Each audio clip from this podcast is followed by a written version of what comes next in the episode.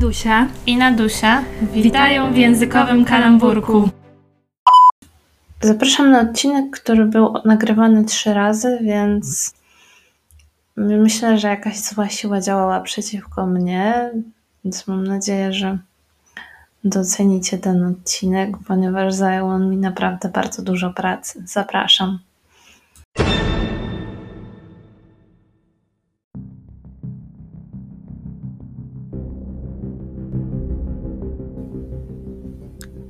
Niepokoją mnie zmiany językowe. Powiedzenie osoba z macicą źle im się kojarzyło, bo jak jest się sinolożką, to widzi się na co dzień, jak propaganda tworzy językiem nową rzeczywistość, a język przestaje rzeczywistość opisywać. Urszula K. Moje ogromne usta, w których wyglądałam jak trans. Blanka L. Te osoby nie są równe ludziom normalnym. Przemysław Cze.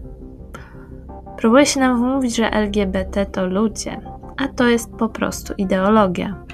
Andrzej D.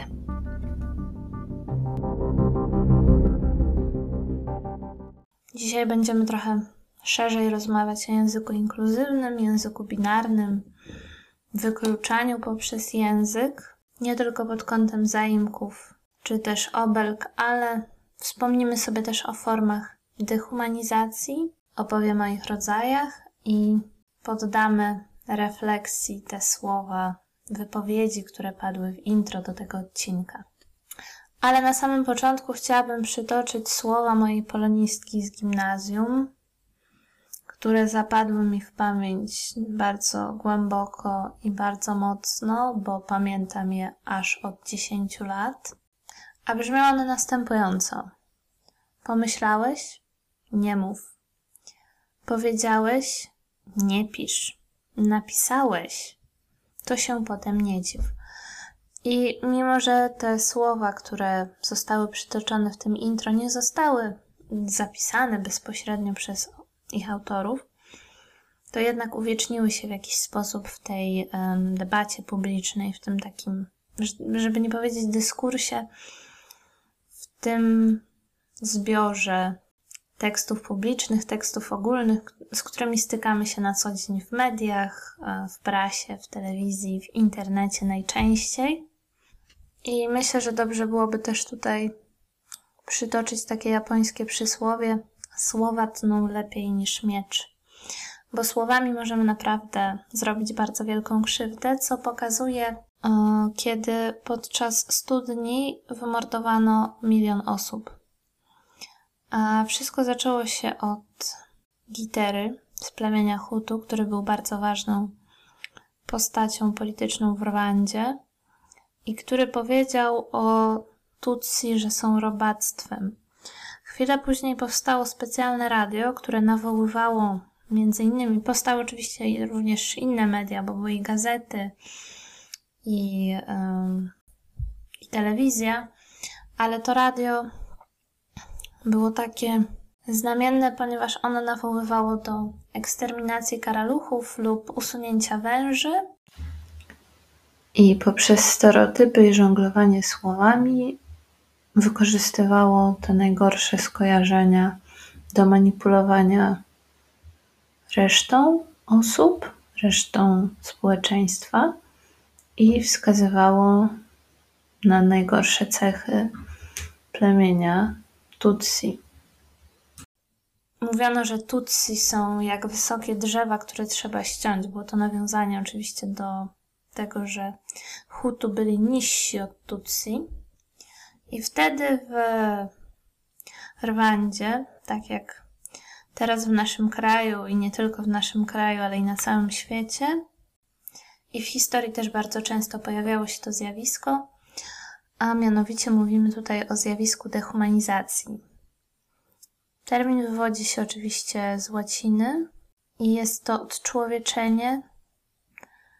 Są to procesy i zjawiska składające się na układ stosunków społecznych, charakteryzujący się zatraceniem wartości humanistycznych czy wręcz humanitarnych.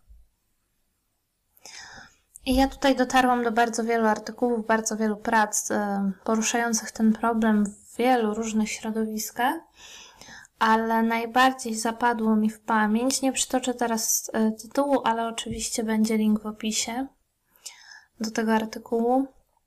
Najbardziej zapadł mi w pamięć e, artykuł, który uwypuklał potrzebę humanizacji w polskiej szkole. Autor mm, przeprowadził takie badanie, w którym zbadał obelgi i słowa, które padają z ust uczniów na temat nauczycieli i z ust nauczycieli na temat uczniów, czyli jak te dwie strony określają się wzajemnie i oczywiście było tam przytoczone słowo suka. No i kto nigdy nie określił tak któregoś swojego nauczyciela bądź nauczycielki, niech pierwszy rzuci kamieniem. Ale mm, jest to bardzo ciekawa refleksja, ponieważ ja osobiście nigdy się nie zastanawiałam nad tym, jak może to odbierać nauczyciel bądź nauczycielka, do momentu, kiedy nie uzyskałam takiego wieku, w którym mogłabym, gdybym wybrała odpowiednią specjalizację, uczyć w szkole. I myślę, że na to też nikt za bardzo nie zwraca uwagi w środowisku szkolnym. Takimi terminami mm, często posługują się też rodzice, być może między sobą albo nie przy dzieciach, ale w gronie swoich znajomych. I jest to takie ciekawe doświadczenie z lingwistycznego punktu widzenia, bo te słowa, między innymi suka, ale też na przykład e, szmata czy inne pejoratywne określenia na temat nauczycieli, nauczycielek, na tyle weszły do słownika uczniowskiego, do, może nie do żargonu, ale do tego, do tej leksyki, którą uczniowie posługują się na co dzień, czy też rodzice posługują się na co dzień, że my przestaliśmy nawet na to zwracać uwagę.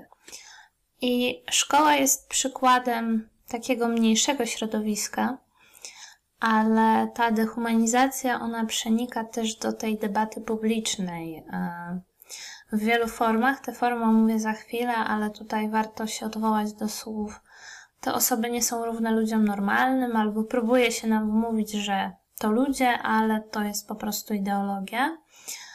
Um, I to są niepokojące zmiany.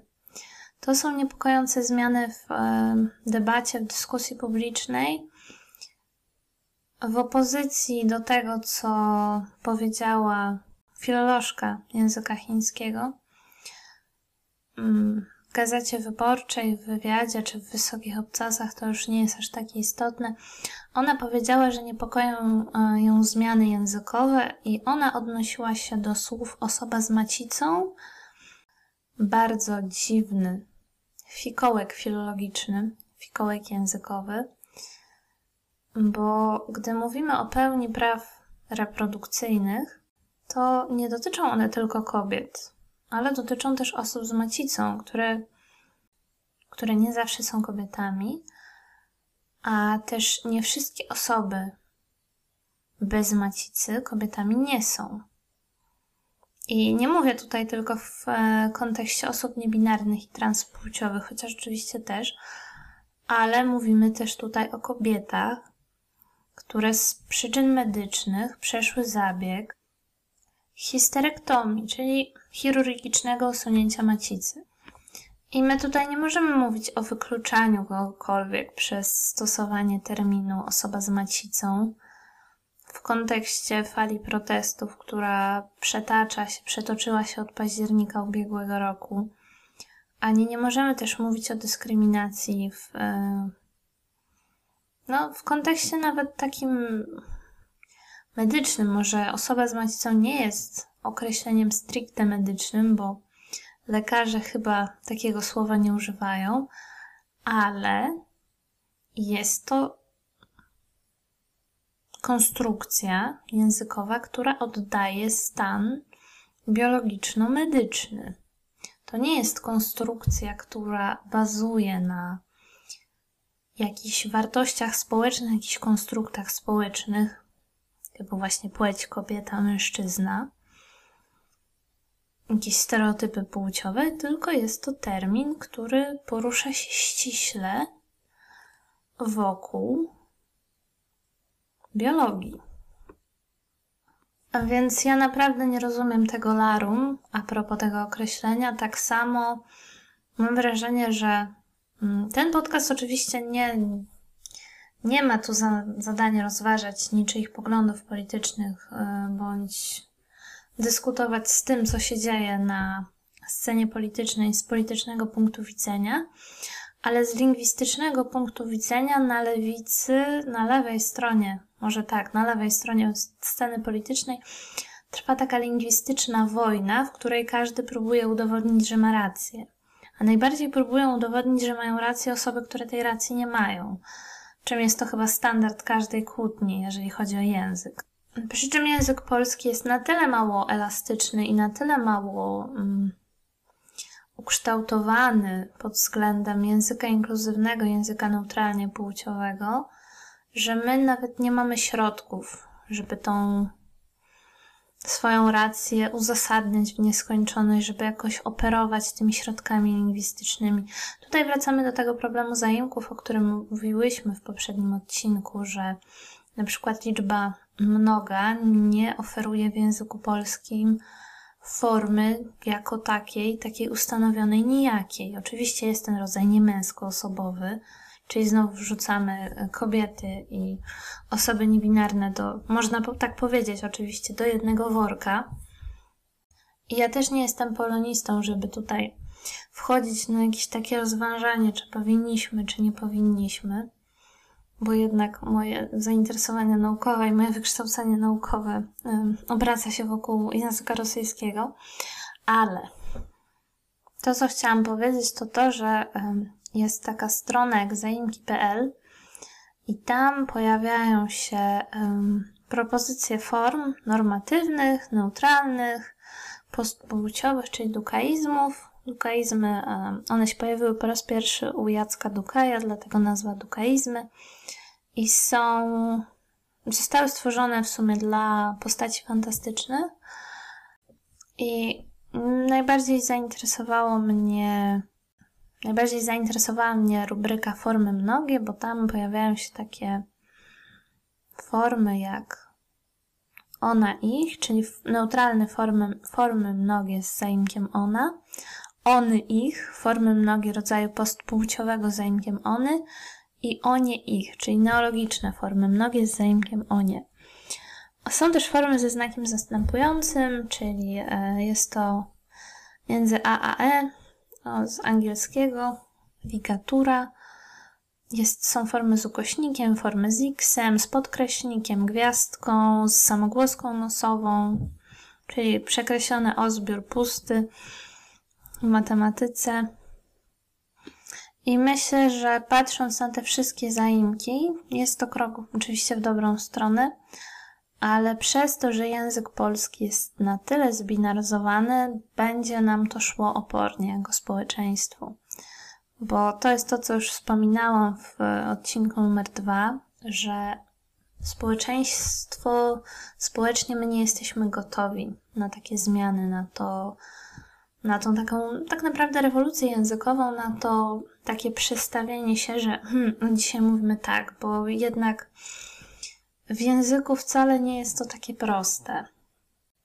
Kiedyś zamiast ksy, ksy, tego dźwięku, tego połączenia literowego, hmm, nie pisano KS, tylko pisano X. Albo zamiast y, I pisano Y. Zamiast y, J nie było J, więc pisano też Y. I było to takie dosyć w wieku XVI, XVII, XVIII ogólnie przyjęte, że właśnie takich połączeń fonetycznych, takich liter się używa. I trochę to zajęło w języku polskim, żebyśmy mieli ten kształt taki, jak mamy teraz obecnie. Ale to nie oznacza, że my nie powinniśmy używać tych zaimków neutralnie płciowych lub czyli zaimków nowych e, ze znakiem zastępujących e, form neutralnych, form postpłciowych. Myślę, że to mm, zostanie wdrożone tak naprawdę w momencie, kiedy my zaczniemy szanować język. Bo tak naprawdę my nie szanujemy języka i to nie chodzi tutaj w tym momencie o to, czy my dobrze używamy gramatyki, czy zawsze piszemy nasze ogonki przy nosówkach, on, e, czy używamy leksyki grzecznej, czy niegrzecznej. Tylko szanowanie języka moim zdaniem polega na tym, że w takiej sferze kulturowo-etycznej my się zwracamy do ludzi tak, jak tego oczekują. I to naprawdę nie jest żadnym wysiłkiem. To wcale dużo nie kosztuje. Oczywiście czasami jest pewien dyskomfort lingwistyczny, bo może nie psychiczny, tylko taki, że my się zapomnimy, że jednak taka forma istnieje, albo jest to takie połączenie, które no ciężko nam wymówić z lingwistycznego punktu widzenia. Może tak być. Ale to nie znaczy, że nie powinniśmy próbować, bo jednak próbowanie i jest kluczem do wszystkiego, a nie myli się tylko ten, kto nic nie robi. I wydaje mi się, że takie używanie niepoprawnych zaimków albo wręcz z angielskiego misgenderowanie chociaż albo dead naming, chociaż to też e, strasznie mnie boli mm, jako filologa, jeżeli chodzi o pisownię, że my już zaczęliśmy pisać ten dead naming jako d e d n e j m i n. Jest to dla mnie, ciężko mi się na to patrzy, ale przyzwyczajam się, bo po prostu w języku polskim nie jesteśmy w stanie na razie i czy w ogóle kiedykolwiek będziemy w stanie wymyślić takie ekwiwalenty, które przekażą to samo, co język angielski w tak samo krótkiej formie, bo zapewne nie. Więc zwracanie się do ludzi imionami, których nie używają, albo zaimkami, których nie chcą, jest taką formą subtelnej dehumanizacji. O dehumanizacji rodzajach już mówię, ale my tej osobie y, okazujemy brak szacunku. My pokazujemy, że ona nie jest z nami na równi, bo my będziemy robić to, co chcemy, bo jesteśmy wyżej. I o dehumanizacji pisał psychologiczny guru Zimbardo, że dehumanizacja jest konstruktem mającym kluczowe znaczenie dla zrozumienia przez nas nieludzkiego traktowania człowieka przez człowieka. Dehumanizacja występuje wtedy, gdy pewne istoty ludzkie uważają inne istoty ludzkie za wykluczone z kategorii normalnej, jaką stanowi osoba ludzka. Obiekty tego procesu psychicznego tracą w oczach tych, którzy ich dehumanizują i tracą ten swój status ludzki. Przez uznanie pewnych jednostek lub grup za pozbawione człowieczeństwa, ci, którzy dokonują tej dehumanizacji, zawieszają swoją moralność, jaka zazwyczaj rządzi przemyślanymi działaniami wobec bliźnich. Czyli ja biorę swoją moralność i odwieszam ją jak kurtkę na haczyk w szatni. I e, pani Volpato z Włoch, badaczka zmian społecznych, między innymi psychiki ludzkiej, ona e, opracowała taką klasyfikację dehumanizacji jawnej. I mamy tam innymi animalizację, czyli uczucie degradacji i upokorzenia, i obrzydzenie i pogarda, takie emocje zwykle związane z um, doświadczaniem, percepowaniem tego, co zwierzęce. Czyli tutaj no, możemy mówić, że po prostu ktoś jest jak zwierzę, albo jest jak pies, albo jak ta suka wspomniana już na początku odcinka. Mamy też demonizację i tutaj um, demonizacja wywodzi się z łacińskiego monstrum lub włoskiego monstro i możemy tutaj mówić o kimś, że jest po prostu potworem. Możemy mówić, że jest demonem, diabłem, czarownicą, ale ten diabeł wziął się właśnie z chrześcijaństwa, ponieważ figura diabła, którym ta religia dostrzega istotę zła, to nic innego jak taka średniowieczna metamorfoza tego starożytnego potwora. Mamy jeszcze biologizację, czyli idea czystości krwi. I to jest z hiszpańskiego limpieza de sangre. Mam nadzieję, że dobrze to przeczytane, bo inaczej moja współautorka mnie zabije ale to było na kontekście, y, opracowane mm, w kontekście chrześcijaństwa, czyli starzy chrześcijanie nad nowymi, mm, no, protestanci, tam w ogóle, że, że, że jest czysta krew i brudna krew, tak, Harry Potter troszeczkę tylko w realnym świecie. I mówiono tutaj, e, określano tych, te istoty nieczystej krwi jako e, mikroby, wirusy, bakcyl, choroba, zaraza, rak, guz, brud, zakażenie. Mówiono też o oczyszczeniu, eliminacji, dezynfekcji, wykorzenieniu czegoś. Mamy jeszcze mechanizację. Jest to strategia dehumanizacji, gdzie człowiek staje się przedmiotem, towarem. I możemy tutaj mówić właśnie w kontekście niewolników, w kontekście kolonizacji, gdzie niewolnik był takim przedmiotem, który można było sprzedać bądź kupić, mm, wymienić, nabyć. I e, po raz pierwszy ta strategia zostaje wspomniana, opisana u Kanta w ugruntowaniu metafizyki obyczajów, ale pojawia się także u Karola Marksa w rękopisach ekonomiczno-filozoficznych, gdzie mówi on o alienacji pracownika w systemie kapitalistycznym, czyli że w tym systemie kapitalistycznym pracownik staje się towarem, że on jest po prostu rzeczą, którą pracodawca traktuje jak przedmiot lub przerzuca sobie z rąk do rąk. No i mamy jeszcze dehumanizację poprzez niedostrzeganie, czyli ktoś dla nas nie istnieje, lub mamy dehumanizację subtelną. To jest właśnie to, o czym y, wspominałam w kontekście zaimków i imion, że my po prostu niby nie mówimy wprost, że ktoś nie jest człowiekiem, ale jednak dajemy mu to na poziomie lingwistycznym odczuć i może też się też sprowadzać do um, sprowadzania istoty ludzkiej do takich emocji pierwotnych, do jakichś instynktów. Czyli nie mówimy, że to jest zwierzę, ale też nie traktujemy go w pełni jako człowieka, więc jesteśmy gdzieś tak pomiędzy.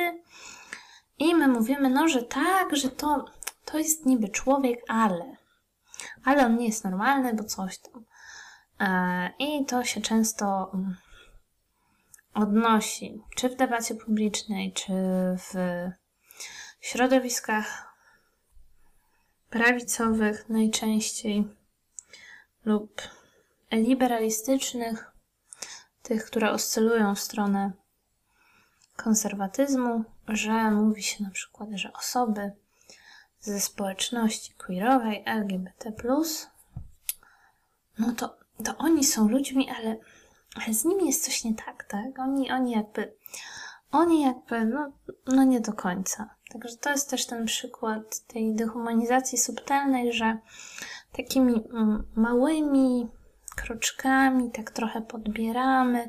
Wiecie, to jest, to jest tak jakby, jak macie długą spódnicę, na pewno część z słuchaczy kiedyś miała długą spódnicę albo sukienkę i próbowała schodzić po schodach. I tak wtedy czasami, żeby się nie potknąć, to się tak podbiera. Mm, zbiera się fałdy tej sukienki bądź spódnicy i się wtedy schodzi, żeby się nie, nie potknąć. I to jest właśnie ta dehumanizacja subtelna, to jest takie podbieranie tych fałd tej spódnicy lub sukienki, że my tak tylko, tak troszeczkę, tak tylko troszeczkę modyfikujemy to, co mówimy.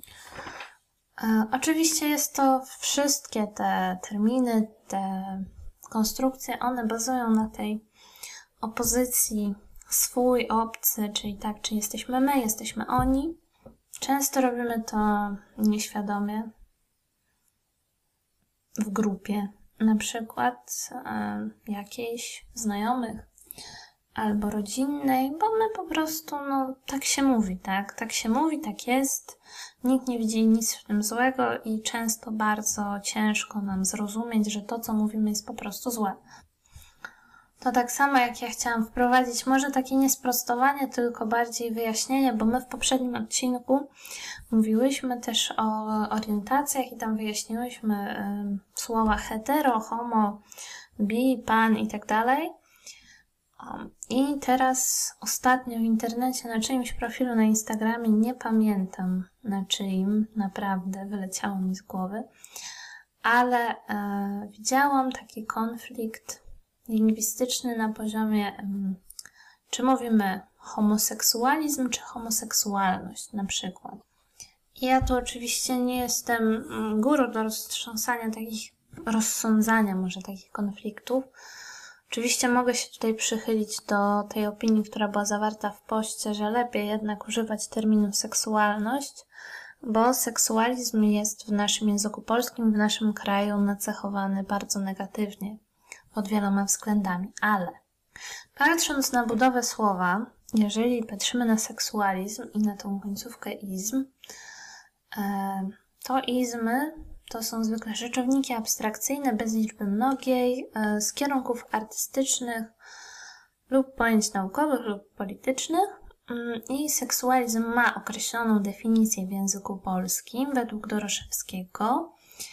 Jest to sfera erotyki i zachowań seksualnych człowieka. Natomiast seksualność tej definicji e, takiej lingwistycznej ja jej nie znalazłam. Jeżeli ktoś ją znajdzie, to możecie mi to wysłać na Instagramie czy no na Instagramie. I seksualność e, i ta końcówka ość to jest e, końcówka, która tworzy rzeczownik od przymiotnika, który oznacza cechę opisywaną przez ten przymiotnik bądź z nim związaną. Czyli teoretycznie możemy powiedzieć, że oba te terminy znaczą mniej więcej to samo, tylko jeden jest e, już w powszechnym obiegu lingwistycznym, a drugi dopiero zaczyna w nim być. No i ten pierwszy jest związany z długą historią niepowodzeń językowych, z dyskryminacją, z nienawiścią, czy też tak zwanym hejtem, hejtem w internecie. Mm. No i on po prostu w naszych głowach, społecznie jest zakodowany źle. Ale to taka ciekawostka językowa. Jeżeli ktoś się poczuł urażony przez używanie końcówki seksualizm, to przepraszamy. I ma culpa, ma culpa, ma maksima culpa, ale ja używam, szczerze mówiąc, tego wymiennie, bo dla mnie nie ma tych negatywnych asocjacji, ale z społecznego punktu widzenia faktycznie lepiej brzmi ten termin seksualność i jest on preferowany przez środowisko psychologów, seksuologów, przez to środowisko naukowe. Więc używajmy mm, końcówki seksualność, biseksualność, panseksualność, homoseksualność, heteroseksualność. Mm, no i przechodząc już do takiego podsumowania tego odcinka, to chciałam powiedzieć, że czasami będą odcinki solo, tak jak ten dzisiejszy, takie indywidualne rozważania, ponieważ każda z nas ma inną sferę zainteresowań językowych i lingwistycznych, i naukowych, i nie zawsze to wszystko się pokrywa, ale to dobrze, bo to znaczy, że będziemy się rozwijać w wielu kierunkach. I a propos tego wszystkiego, co zostało powiedziane w tym podcaście dzisiejszym, w tym odcinku, chciałam sparafrazować Gombrowicza z Transatlantyku, że podcast nasz jest i pozostanie protestem przeciwko temu właśnie światu, który ukazuje. Czyli my będziemy tutaj protestować przeciwko tym nieetycznym użyciom języka. I oczywiście nie byłabym sobą, gdybym nie pożegnała się albo nie wstawiła chociaż e, jakiegoś cytatu z rapu, ale myślę, że jest to cytat z e, utworu, który jest bardzo znamienny, jeżeli chodzi oczywiście o scenę artystyczno-rapową, ale te dwa wersy, mm, one idealnie oddają atmosferę dzisiejszego odcinka. Jest to Małpa, jeden z moich ulubionych wykonawców na polskiej scenie rapowej. i żegnam się z Wami tym cytatem. Przy mikrofonie stoję, ale jak na poligonie, więc wiem, że słowa mogą ranić jak naboje. Do usłyszenia.